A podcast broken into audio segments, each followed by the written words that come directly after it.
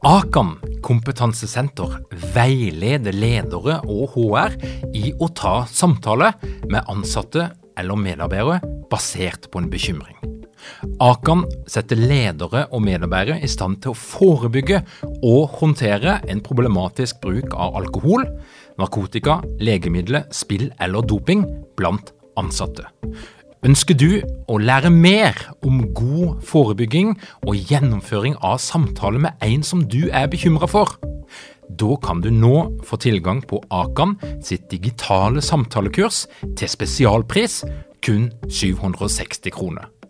Målet med kurset er å gjøre deg tryggere i det som kan være en krevende, men viktig samtale å ta i lederrollen.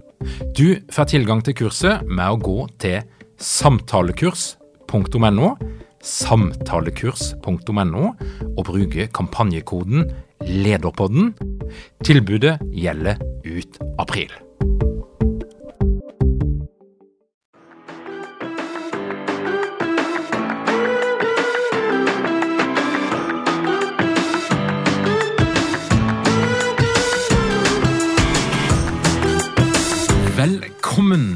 Til Lederpodden. Mitt navn er Tor Åge Eikerapen. Jeg jobber som organisasjonspsykolog med leder- og ledergruppeutvikling. Og dette her er en podkast om ledelse. Kjære leder, se for deg at du våkner opp i morgen og finner ditt eget ansikt på forsida av Dagens Næringsliv, VG eller et eller annet sosialt medie der du er anklaga for korrupsjon, eller å være en giftig leder, eller at virksomheten din er anklaga for grove etiske overtramp. Hvordan vil du reagere, og hvordan vil du håndtere en sånn situasjon? For det er et faktum at som leder så står du lagelig til for hogg, og derfor kan det komme godt med at det nå er blitt forska på og skrevet bok om åssen det er å ufrivillig havne i medias søkelys. Kim Edgar Karlsen han er psykolog, han er forsker, han er til daglig fagleder i Norsk psykologforening, og han er en av de to forfatterne bak boka I medienes søkelys. Men først skal du få et par ord fra Ellen Holt, tidligere deltaker på lederprogrammet, som i dag jobber som leder i Sveko. Ellen, var det verdt det? Ja, det er skikkelig kult, faktisk. For den følelsen sitter jeg Det er så eh, tydelig for meg at det her angrer jeg ikke én krone på. Så jeg kjørte jo full pakke. Ambisiøs og personlighetstest og alle moduler. Og jeg har hatt så god nytte av det. Jeg jobber jo med mennesker. Eh, masse mennesker, for jeg jobber også parallelt i mange prosjekter og dealer mye med mellommenneskelige ting og tang. Så jeg har fått veldig mye av lederprogrammet i form av konkrete verktøy. Og jeg satte også veldig pris på de breakout roomsene, hvor jeg fikk eh, på en måte kjørt meg litt da, i kleine situasjoner med andre. For det første så får du brukt den kunnskapen du akkurat har fått tilegna deg, i praksis med andre, og så får du tilbakemelding med en gang. Litt sånn kan kanskje ordlegge deg annerledes, eller eh, hva tenker du om hvordan mottakeren tok dette? det har vært så gull, for du har fått trent deg. Jeg har også tatt fram liksom kleine situasjoner som jeg ikke har villet snakke om. Og så har jeg tatt det da i breakout rooms og i læringsgruppe. Så jeg har virkelig lært uh, mye om det. Og for min del så handla det jo også om å få en litt sånn uh, kunnskapsgrunnvoll for ledelsesfaget. Og jeg har fått nyvunnen respekt for at ledelse faktisk er et fag. At det er veldig mange ferdigheter som man kan lære seg. Og som vi har hørt også fram til nå, at det altså er veldig viktig å øve. Så jeg, jeg, har fått masse å øve på, og jeg får praktisert det med en gang. Det har vært så deilig.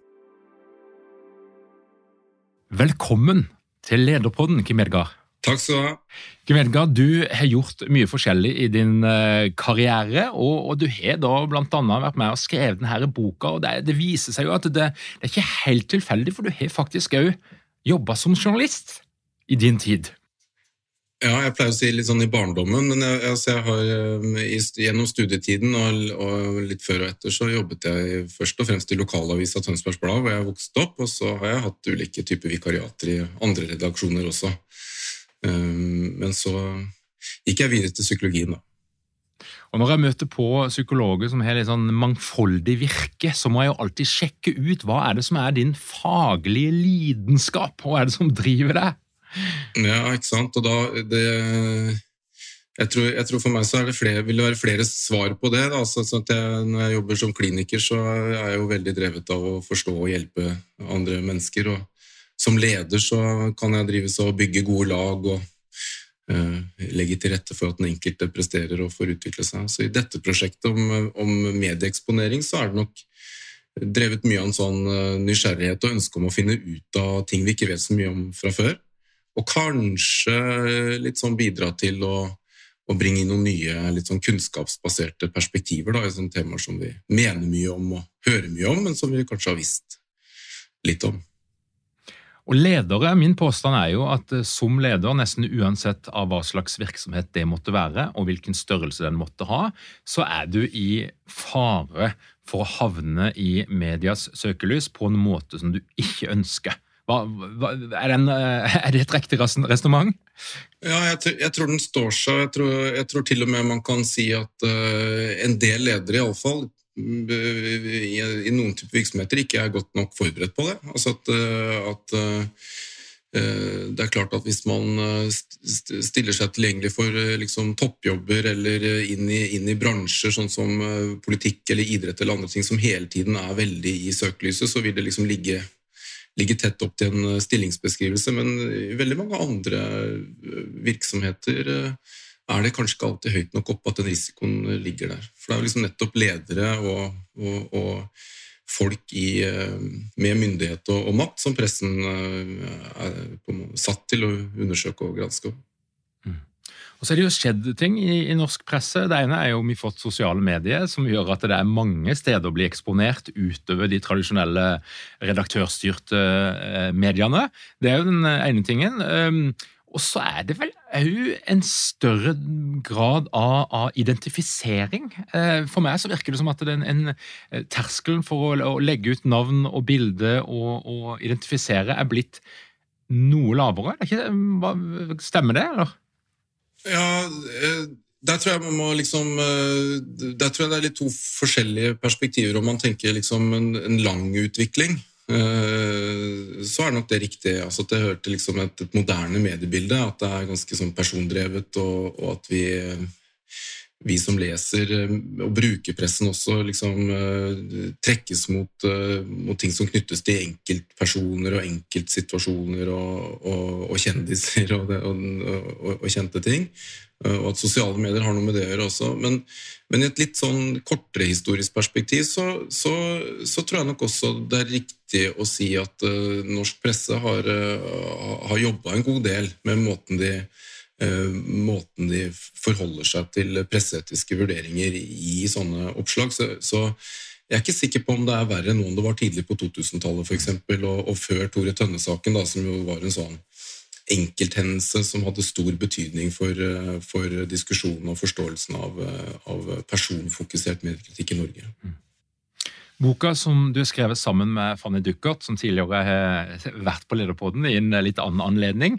Men, men boka den baserer seg på et forskningsprosjekt som har gått over ganske lang tid på Universitetet i Oslo. Det er på en måte en tilgjengeliggjøring av den forskninga, eh, er min opplevelse av det. Mm. Men kan, kan du fortelle litt, hva, hva, hva var rammen rundt dette her prosjektet, denne forskninga? Hvor, hvorfor det, de ble det igangsatt i det hele tatt?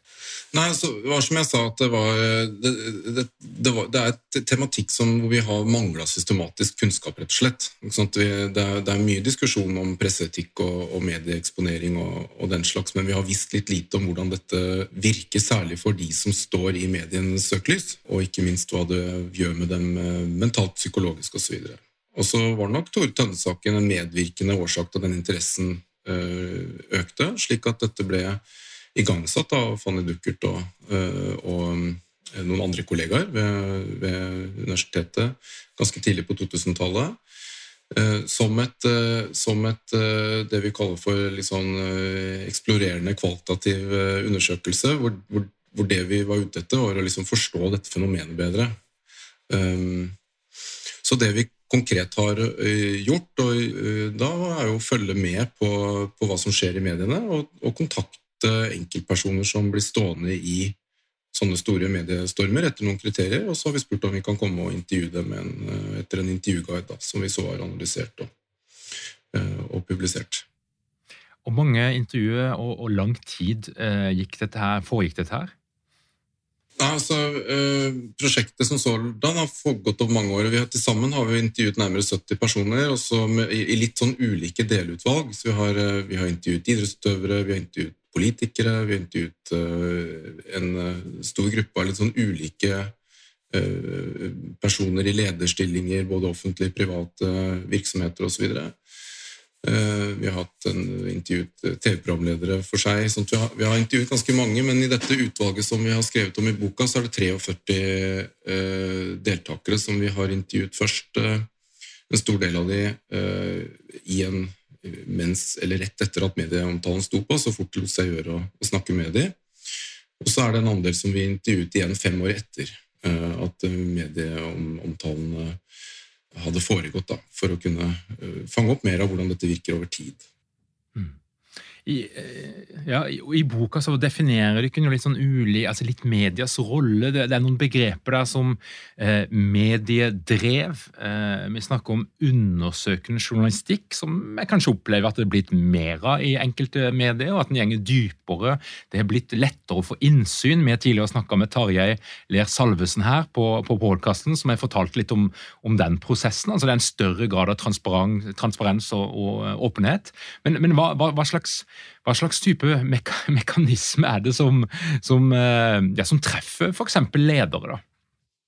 Ja, eh, altså dette er, jo, dette er jo Du beskriver jo liksom eh, Sett fra medienes side så er det, er det, jo ulike måter å komme inn i sånne saker på, jobbe i sånne saker på. Men det er jo skrevet litt om liksom, hva som skjer i større saker når, når Eh, når, når mediene eh, får tak i mulig kritikkverdige forhold, og hvordan de jobber med det med, på en kritisk og undersøkende måte. Det er jo også eh, medienes si, demokratiske rolle å ettergå makt og maktforhold og, og finne det fram. Sånn det, det, et viktig poeng her er at det, det, ligger en del elementer i den journalistiske metodikken som handler om å grave fram, undersøke, bruke kilder på, fra ulike kanter for å forsøke å kikke inn i en virksomhet eller fra utsiden få fram et, et poeng, eh, som mange ganger kan i seg selv være ganske sånn eh,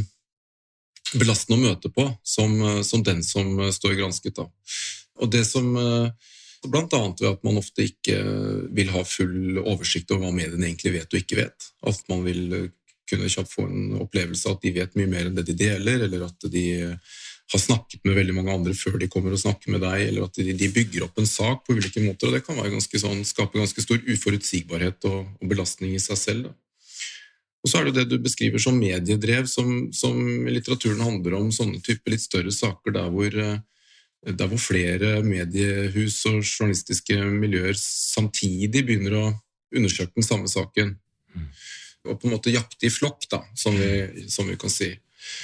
Uh, og, og, det også utgjør jo for mange en ganske sånn uh, potensielt stor kilde til belastning ved at uh, omfanget og trykket samla sett blir så stort, og at man, at man, over tid kan oppleve seg nærmest liksom bombardert av spørsmål og beleiret av fotografer og, og journalister osv. Mm. Og, og det andre poenget med dette mediedrevet, da, som, som også er Eh, kommer liksom fra medieforskningen og, og, den skandinaviske medieforskningen, ikke minst, med Sigurd Allern og sånn i, i, i, spissen for det, det er jo at det, at det, er noen sånne dramaturgier som er ganske sånn gjenkjennelige i sånne skandaleløp, hvor, hvor eh, premissene for saken, altså fortellingen, den grunnfortellingen, den legger seg ganske fort. Og sånn at Ganske fort i en sånn type mediesak så, så vil på en måte premissene for saken være lagt, og så handler veldig mye av resten av saken om å underbygge den eller å bygge videre på de premissene. Og Når flere medier hopper på, så vil ofte liksom grunnpremissene være der. Og for den som omtales, så er det ofte innmari vanskelig å få korrigert liksom grunnfortellingen. Man kan gjerne få uttale seg og kommentere og sånn, men det å få tid og rom og plass til å liksom øh, justere uh, den grunnleggende narrativen som allerede er skapt tidlig, det er veldig vanskelig. Og da kan man tenke seg et sånt mediedrev som liksom nærmest lever litt sitt eget liv. Da. At det er vanskelig å få påvirket. Er det mulig å skalere dette her på en sånn styrkeskala eller belastningsskala? altså Der vi tenker et, et enkelt oppslag, da, det er liksom den, mm. den mildeste formen for medieomtale, og så er det jo en sak som løper i alle kanaler, og der det fortsetter og der det fortsetter, og der den skal komme til bunns helt til noen trekker seg fra stillinga si, helst. Ja, det, det, kan man absolutt, men, men, jeg tror det er riktig å tenke at det er flere dimensjoner å skalere på. Uh, uh, slik at Eh, jeg kan jo si at i vårt sånn grunnmateriale da, så var det eh, Er det nok riktig å si at eh, nesten uten unntak så opplevde folk høy belastning i den tiden det pågikk i medieomtale. Altså det var, og for mange den sterkeste belastningen de kunne huske å ha vært i, og for andre var det mer overkommelig. Og det, og det tror jeg liksom hvis, eh, hvis, vi liksom går litt i oss sjøl også, alle som har liksom vært i en eller annen situasjon hvor de skal eksponere seg offentlig, enten det en, uh, handler om å kommentere noe eller, eller, eller noe annet, så, så, vil det øke liksom spenning og aktivere oss på ulike måter. Og når det fokuset blir kritisk, og, og i tillegg kanskje personfokusert, altså at det ikke handler om å snakke om en virksomhet lenger eller, eller et tema, men at det handler om meg, da øker belastningen veldig.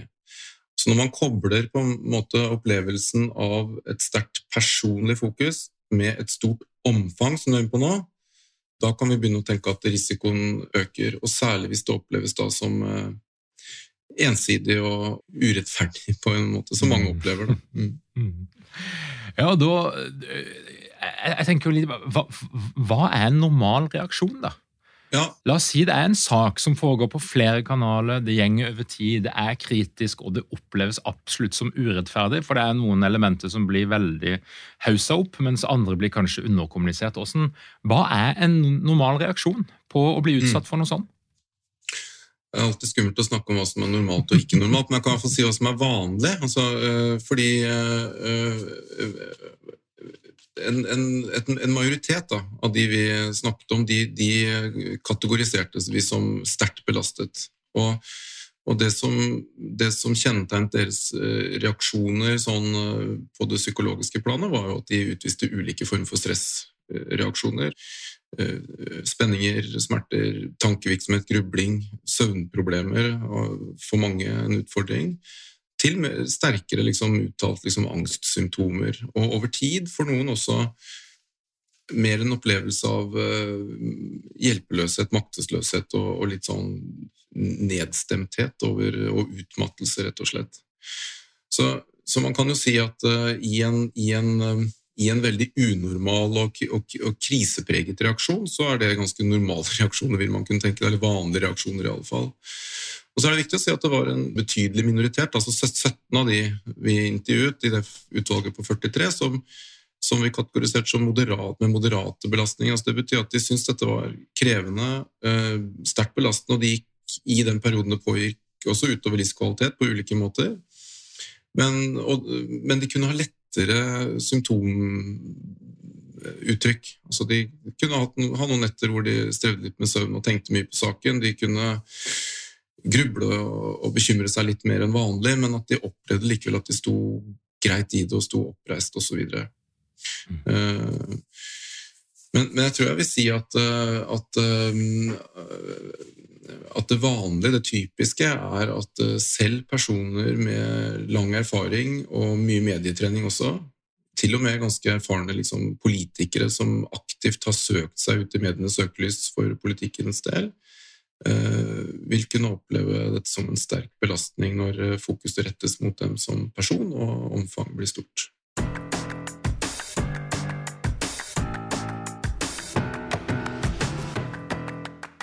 Hvilke psykologiske mekanismer er det som er i sving her? For, for jeg, jeg snakka med en del ledere som har blitt utsatt for noe av det som du beskriver, og jeg merker jo at det er noe skam der. Det er en frykt for å vise seg offentlig for noen. For det, og, det er den her greia med at verden mener noe om det, og du har ikke kontroll på å påvirke den meninga. Men, men, men, men hva, hva, slags mekanisme er det dere ser?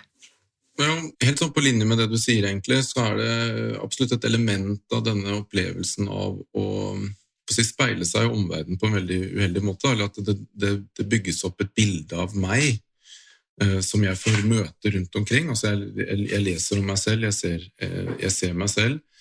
Eh, og får tilbakemeldinger på en måte fra mediene som man kan tenke på som en slags sånn et uttrykk for hva omverdenen tenker eller mener om meg. Altså sånn at Det blir som et slags sånt speil da, fra, fra omgivelsene Eh, som kan slå ganske hardt inn, fordi det kan bryte med Eller nesten alltid vil det bryte med egen opplevelse, fordi at de bildene som bygges i mediene, aldri er nyanserte på den måten vi kjenner oss sjøl. Sånn eh, men ofte så er de også da knyttet til kritikkverdige forhold, slik at eh, det er liksom ikke aktuelt i den, i, i den mediekonteksten gjerne å vise frem de positive sidene man også har, eller, eller unntak. Sånn det blir et, ofte et veldig sånn ensidig negativt bilde som bygges. uh, som kan utløse både urettferdighet, som jeg sa, men også opplevelse av skam og, og sånne ting.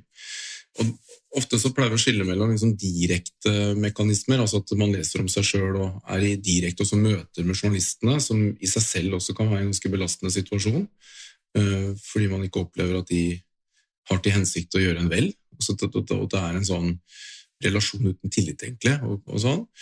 Eh, og at man leser om seg sjøl. Men så er det også dette elementet av de sånn indirekte belastningene som knytter seg til at andre også leser aviser og ser på TV og hører radio.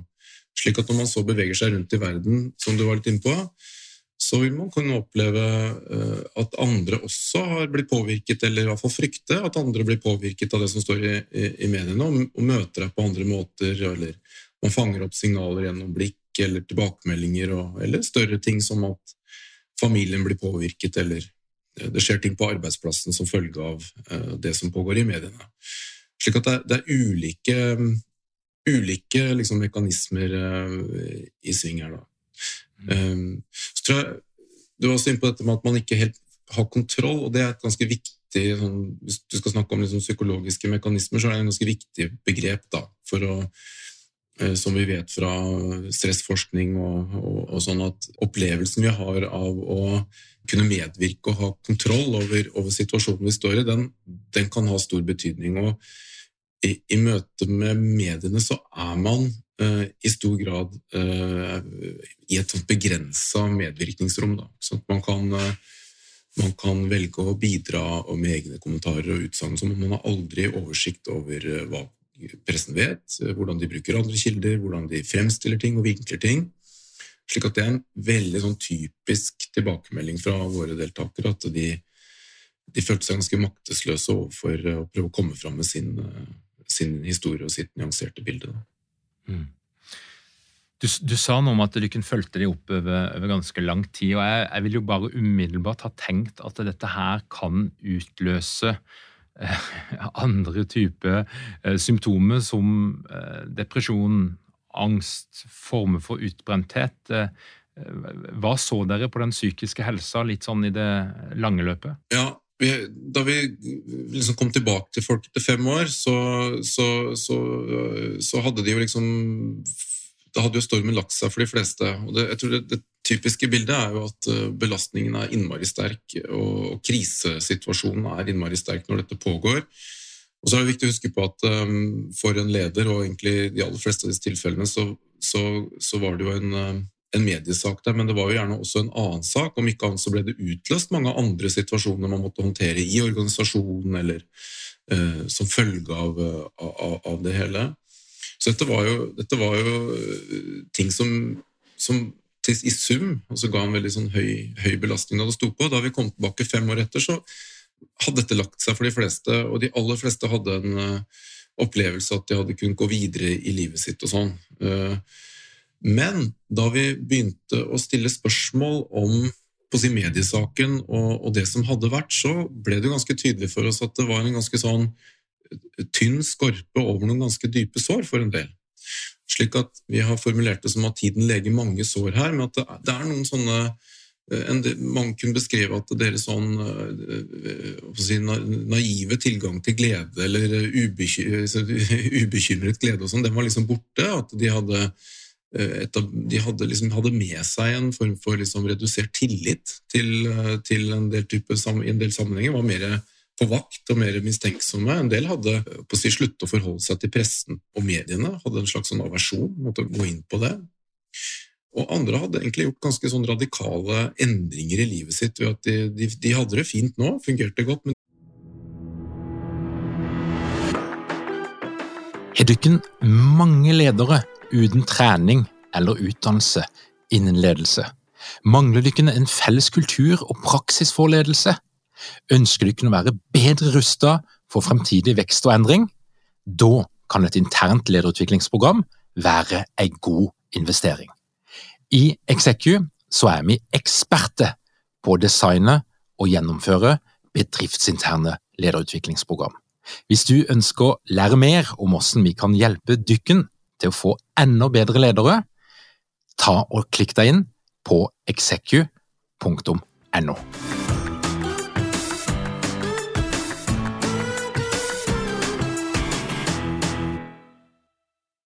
De hadde på en måte endret yrkesvei, eh, flyttet fra der de bodde tidligere, eller etablert seg på helt andre måter. Sånn det er nok riktig å si at, eh, at liksom belastningen legger seg, men at det likevel kunne ta lengre tid å restituere livskvalitet fullt ut da, og, og, kunne være liksom i samme funksjon som før. Så er det også et tilleggselement, og dette handler om også vår sånn digitale tid, hvor, hvor, ting ligger på nett over tid. ikke sant? Sånn at eh, For de som var mye i pressen i mange forskjellige saker over tid, f.eks. politikere og idrettsutøvere, og sånn, så, så, kunne du ha den, det privilegiet at uh, du kunne få liksom en slags oppreisning uh, i neste sak, eller neste uh, sving. Men for veldig mange som liksom er i en sånn litt sånn større vind, så er det denne saken som ligger der. Og du får liksom ikke nødvendigvis den muligheten til å rette det opp. sånn at og da kan disse vonde sakene bli liggende på nett. Hvis, hvis det skulle dukke opp en ny runde i media, så kan det kommer faktabokser ved siden av som refererer til den gamle saken. Så, så, mange hadde litt sånn opplevelse av å være stemplet over tid, og at det var vanskelig å få ristet det helt av seg. da. Mm. Det er ganske dramatisk og heftig. Altså, du, du, bytter jobb, du flytter det høres jo nesten ut som en sånn Witness Protection Program uh, i, i, miniformat? Ja, for noen var det det. Det var ikke det, det, det, var ikke det vanligste funnet, det, altså, må si det. Så her igjen er det noen sånne uh, variasjoner i hvor uh, hardt det slo inn. Men for noen så kan det virke på den måten, ja. Mm. Og, og, jeg tror også det er viktig det å si at over tid så var det også litt ulikt hvordan, hvordan deltakerne liksom hadde, eh, av ulike grunner, da, kommet ut av saken og, og også kunnet liksom bearbeide det som hadde skjedd.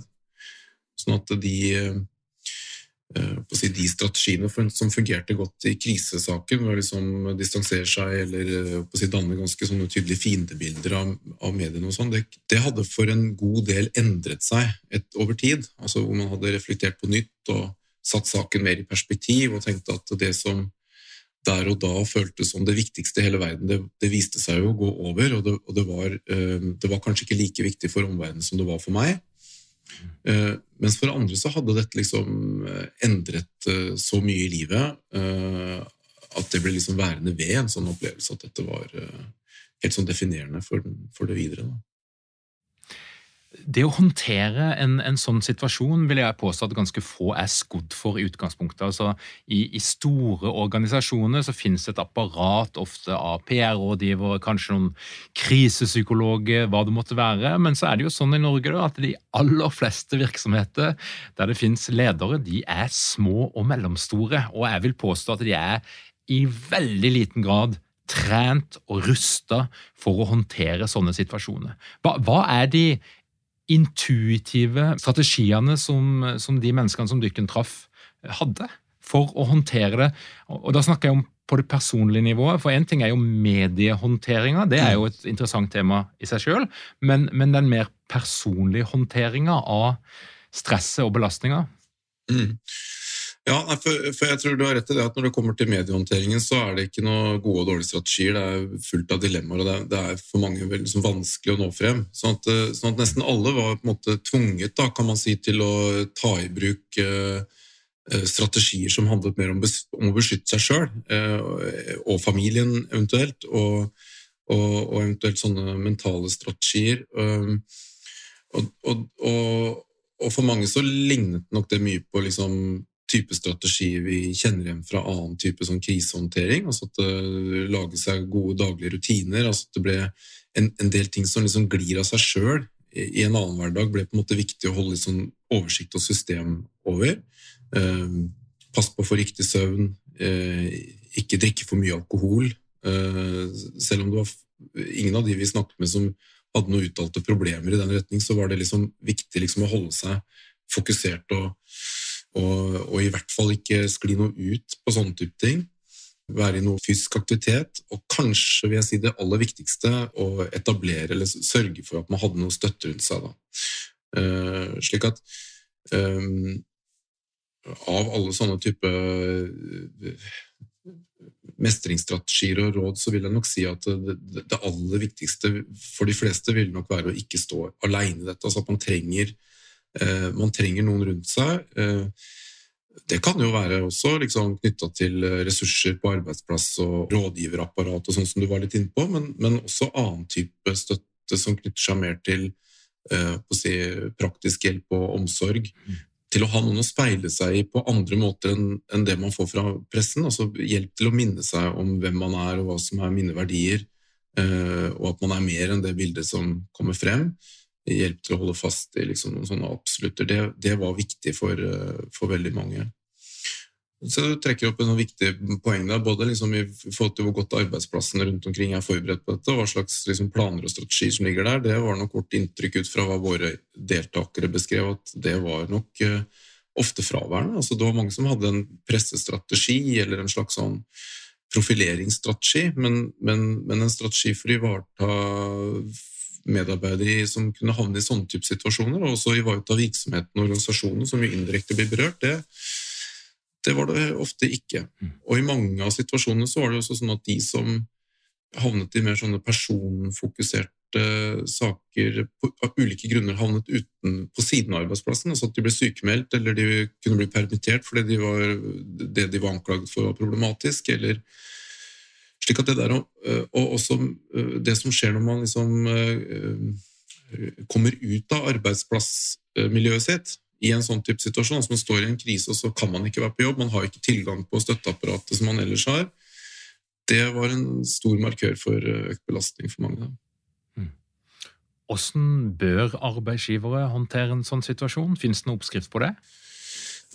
Nei, Det finnes ikke så mange oppskrifter. også Særlig når vi snakker om de liksom sterke mediestormene, så er det en situasjon det er vanskelig å forberede seg på. Altså, som sagt så er det sånn at Selv de med liksom lang medietrening og erfaring og presumptivt veldig ressurssterke folk kan oppleve å bli vippa av pinnen av det. Altså at uh, det er En som beskrev det litt som å skulle forberede seg på en flystyrt. Du kan liksom ikke helt vite hva det er før du sitter der. Uh, men likevel så tror jeg at eh, det er viktig å anerkjenne dette som en potensiell kilde til stor belastning, og også en ganske sånn eh, ikke usannsynlig situasjon, iallfall på et visst sånn ledernivå, mm. som har betydning for den enkelte som blir omtalt, men også for hele organisasjonen rundt, som også indirekte kan bli preget av det. Og da eh, handler det jo om å forberede seg gjennom å ha dette på agendaen, kunne lage noen planer og skape si, noen, noen, tydelige rom for hva som skal skje hvis man er i en sånn type, havner i sånne type situasjoner. Ikke bare for å liksom møte, møte en omtale strategisk, men, men, også for å ivareta et arbeidsmiljø og, og den enkelte. da. Og jeg tror særlig det er viktig å, å, ha en plan for hvordan man skal følge opp medarbeidere som enten blir sykemeldt, eller, eller som man kanskje uh, av ulike grunner uh, ikke kan jobbe i en sånn fase, at man må ha en, en plan for oppfølging av dem også, for det, det øker belastningen eller risikoen.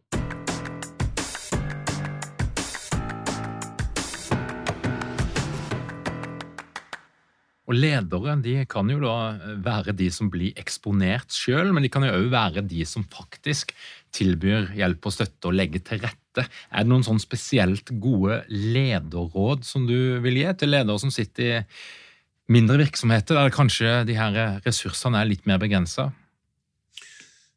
Nei, jeg, jeg, jeg, tror det er viktig å som sagt, liksom anerkjenne dette som en, en, en potensielt krevende situasjon. Det, og, og, på linje med andre typer si, risikosituasjoner i virksomheten ha satt noe ord på det, slik at ikke det i for stor grad blir opp til den enkelte medarbeider å skulle liksom krype inn og be om hjelp. Altså man, det bør være en åpen dør som er liksom eh, eksplisitt åpen i sånne type situasjoner. At, uh, for det er det der med å gjøre seg, gjøre seg, tilgjengelig for ulike former for støtte. Det kan være å tilby og initiere ressurser av mer sånn profesjonell art. Tilby råd og veiledning.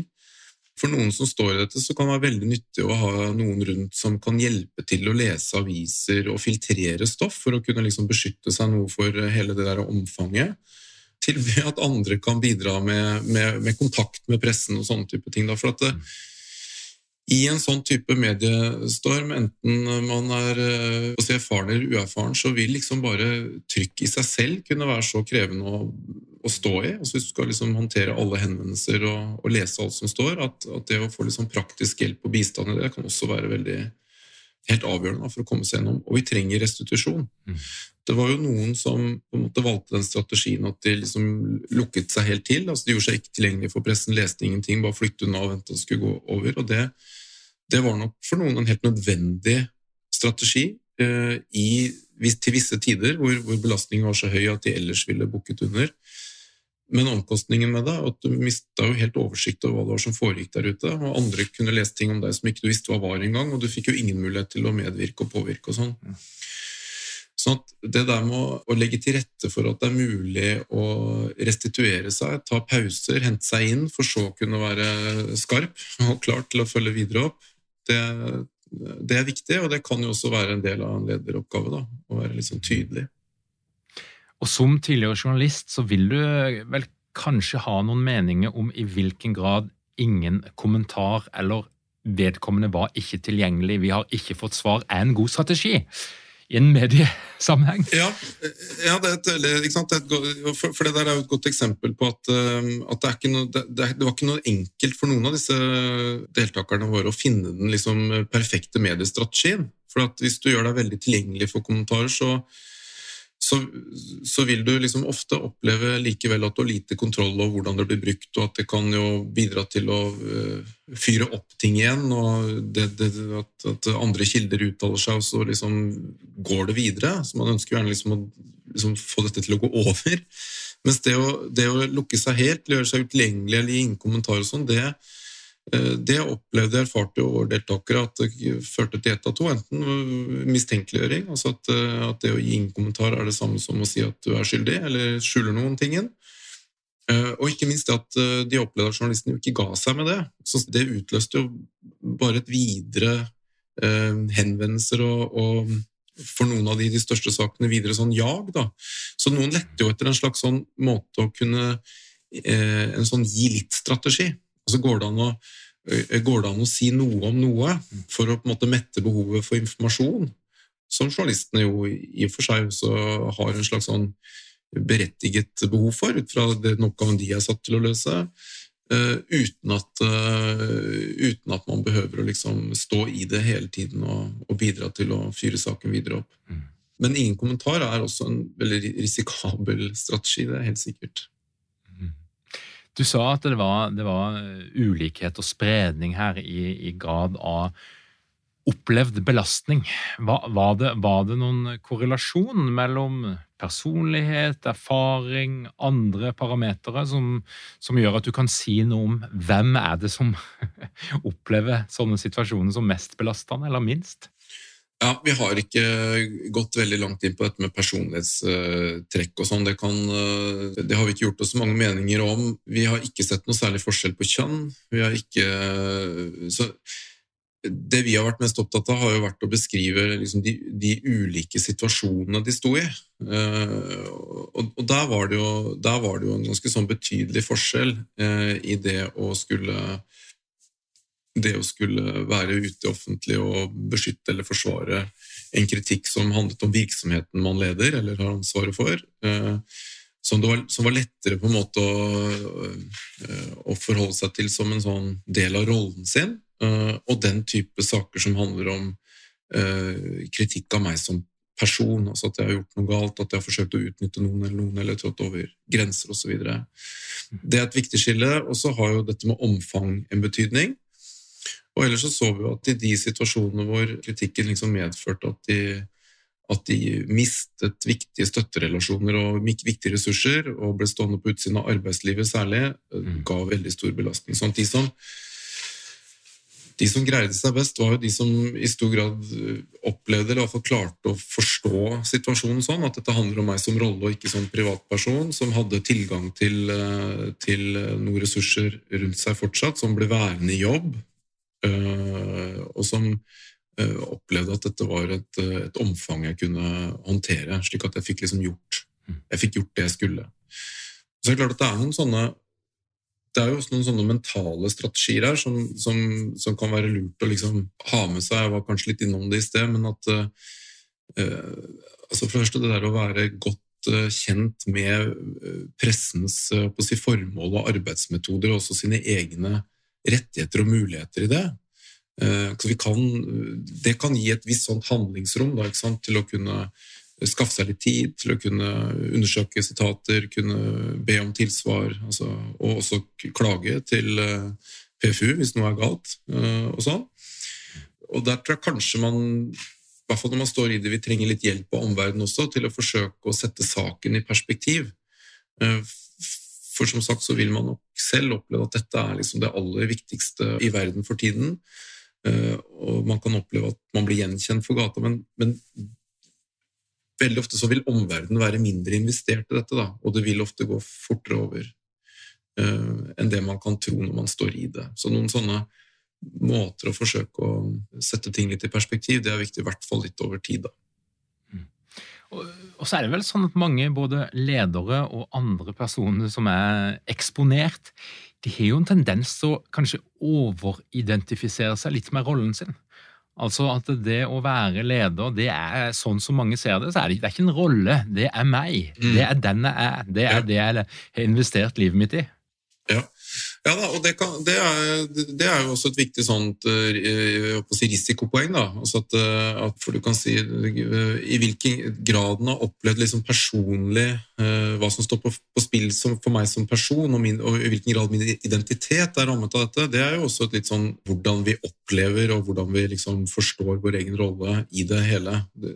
Sånn at, sånn at i en sånn situasjon hvor, hvor, hvor, jobben er livet, på en måte, i stor grad, eller at min identitet er veldig knytta til jobb, så er det jo selvfølgelig litt mer krevende å oppleve at akkurat den delen uh, av livet også kritiseres. Mm. I noe grad så kunne vi se tendenser til det når vi intervjuet idrettsutøvere, som ofte er yngre, som ofte ikke enda har så mange andre karriereveier lagt for dem. At når, når, de havnet i situasjoner hvor de ikke lenger kunne prestere som følge av uh, ting de sto eller ble anklaget for kanskje ulovligheter som gjorde at de ikke fikk være en del av idretten sin eller idrettsfamilien, så hadde de veldig lite annet. Mens, mens mange av lederne som har lengre utdanning og lengre liv, og, og sånn, hadde jo også muligheten til å trekke seg tilbake til familieliv eller andre type aktiviteter enn akkurat det de var eh, anklaget for. da.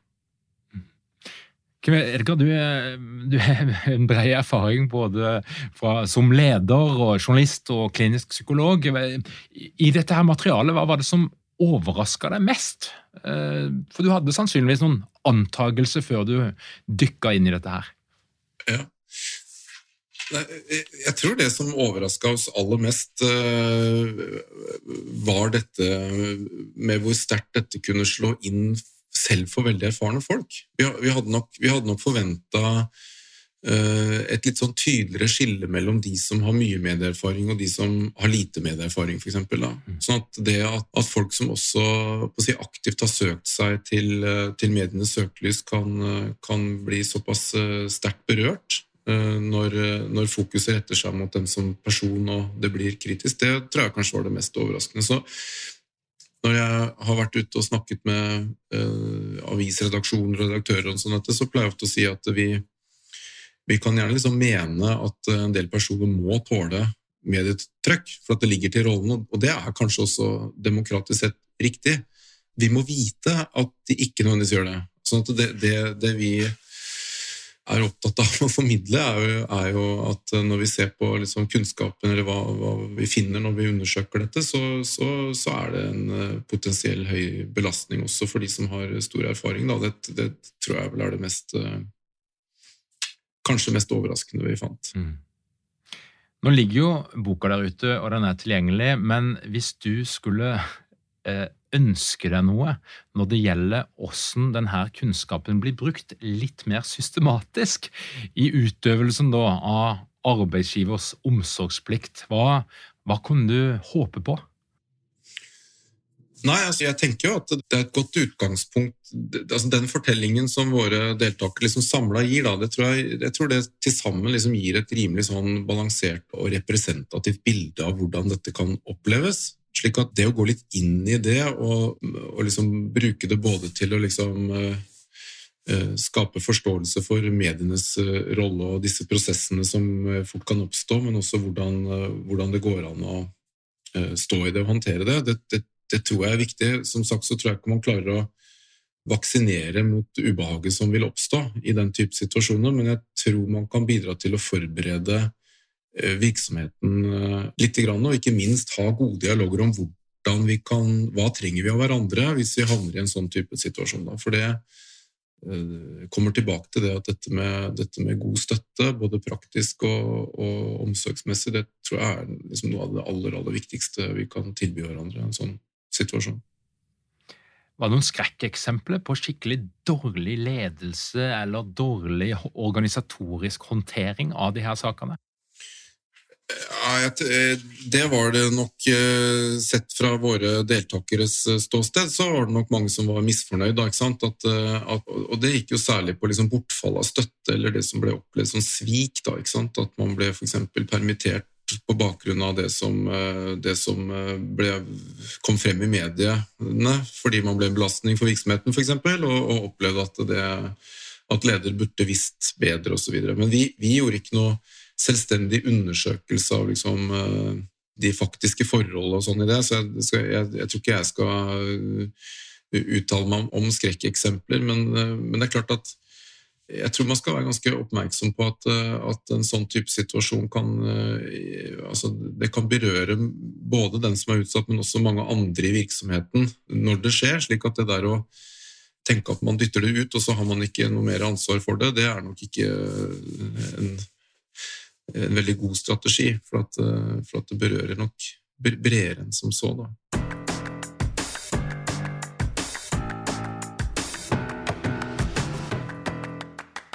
Kim Edgar, er det noe du har lyst til å melde ut til Lederpoddens lyttere som jeg ikke har spurt deg om?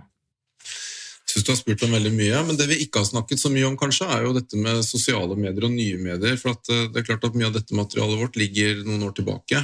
Sånn at uh, Det er en litt ny tid nå, hvor, uh, hvor, du har et uh, samspill mellom det som skjer i tradisjonelle redigerte medier, og så kan det bli til store saker også i sosiale medier. sånn at det, det viktigste budskapet der er at det er jo noe som potensielt øker risikoen for flere av oss til å kunne havne i, i, i sånne typer søkelys. Eh, samtidig så er det kanskje en mulighet i det ved at man kan eh, bruke sosiale medier og egne plattformer mer til å få frem sine budskap i sånne saker. Sånn, så en bevissthet om også hva som kan skje i sosiale medier, og bruken av det, det tror jeg liksom bør inngå gjerne i en sånn type plan. Ellers så har jeg ikke noe eh, Jeg tror vi skal være generelt glad for at vi bor i et land med en fri og undersøkende presse, slik at ambisjonen om å gjøre altfor mye med det, liksom. For det, det, det, det, er ikke sikkert at vi, at, vi, at vi, kan lykkes med, men men at det fins noen måter å liksom forberede seg godt og, og, kunne stå i dette på, da, som, som det er viktig at vi uh, ser på. Det tror jeg er lurt. Kim Velga, tusen takk for at du kom til Lederpodden. Takk for at jeg fikk komme. Til deg som hører på, hvis du ønsker å få med deg alt som skjer i vårt lederunivers, da kan du komme deg inn på lederpodden.no. Trykk på den rette knappen og legg igjen din e-post, så vil du få vårt ferske nyhetsbrev i din innboks hver eneste fredag. Og hvis du ønsker å utvikle deg, lære nye ting, nye ferdigheter, få oppdatert kunnskap, da har vi et program for deg som starter i september. Det begynner å fylles opp, og det er ikke så mange plass igjen. Men det heter altså Lederprogrammet, og du finner alt du trenger å vite på lederprogrammet.no. Takk for at du hører på Lederpodden. Vi høres igjen om ei uke.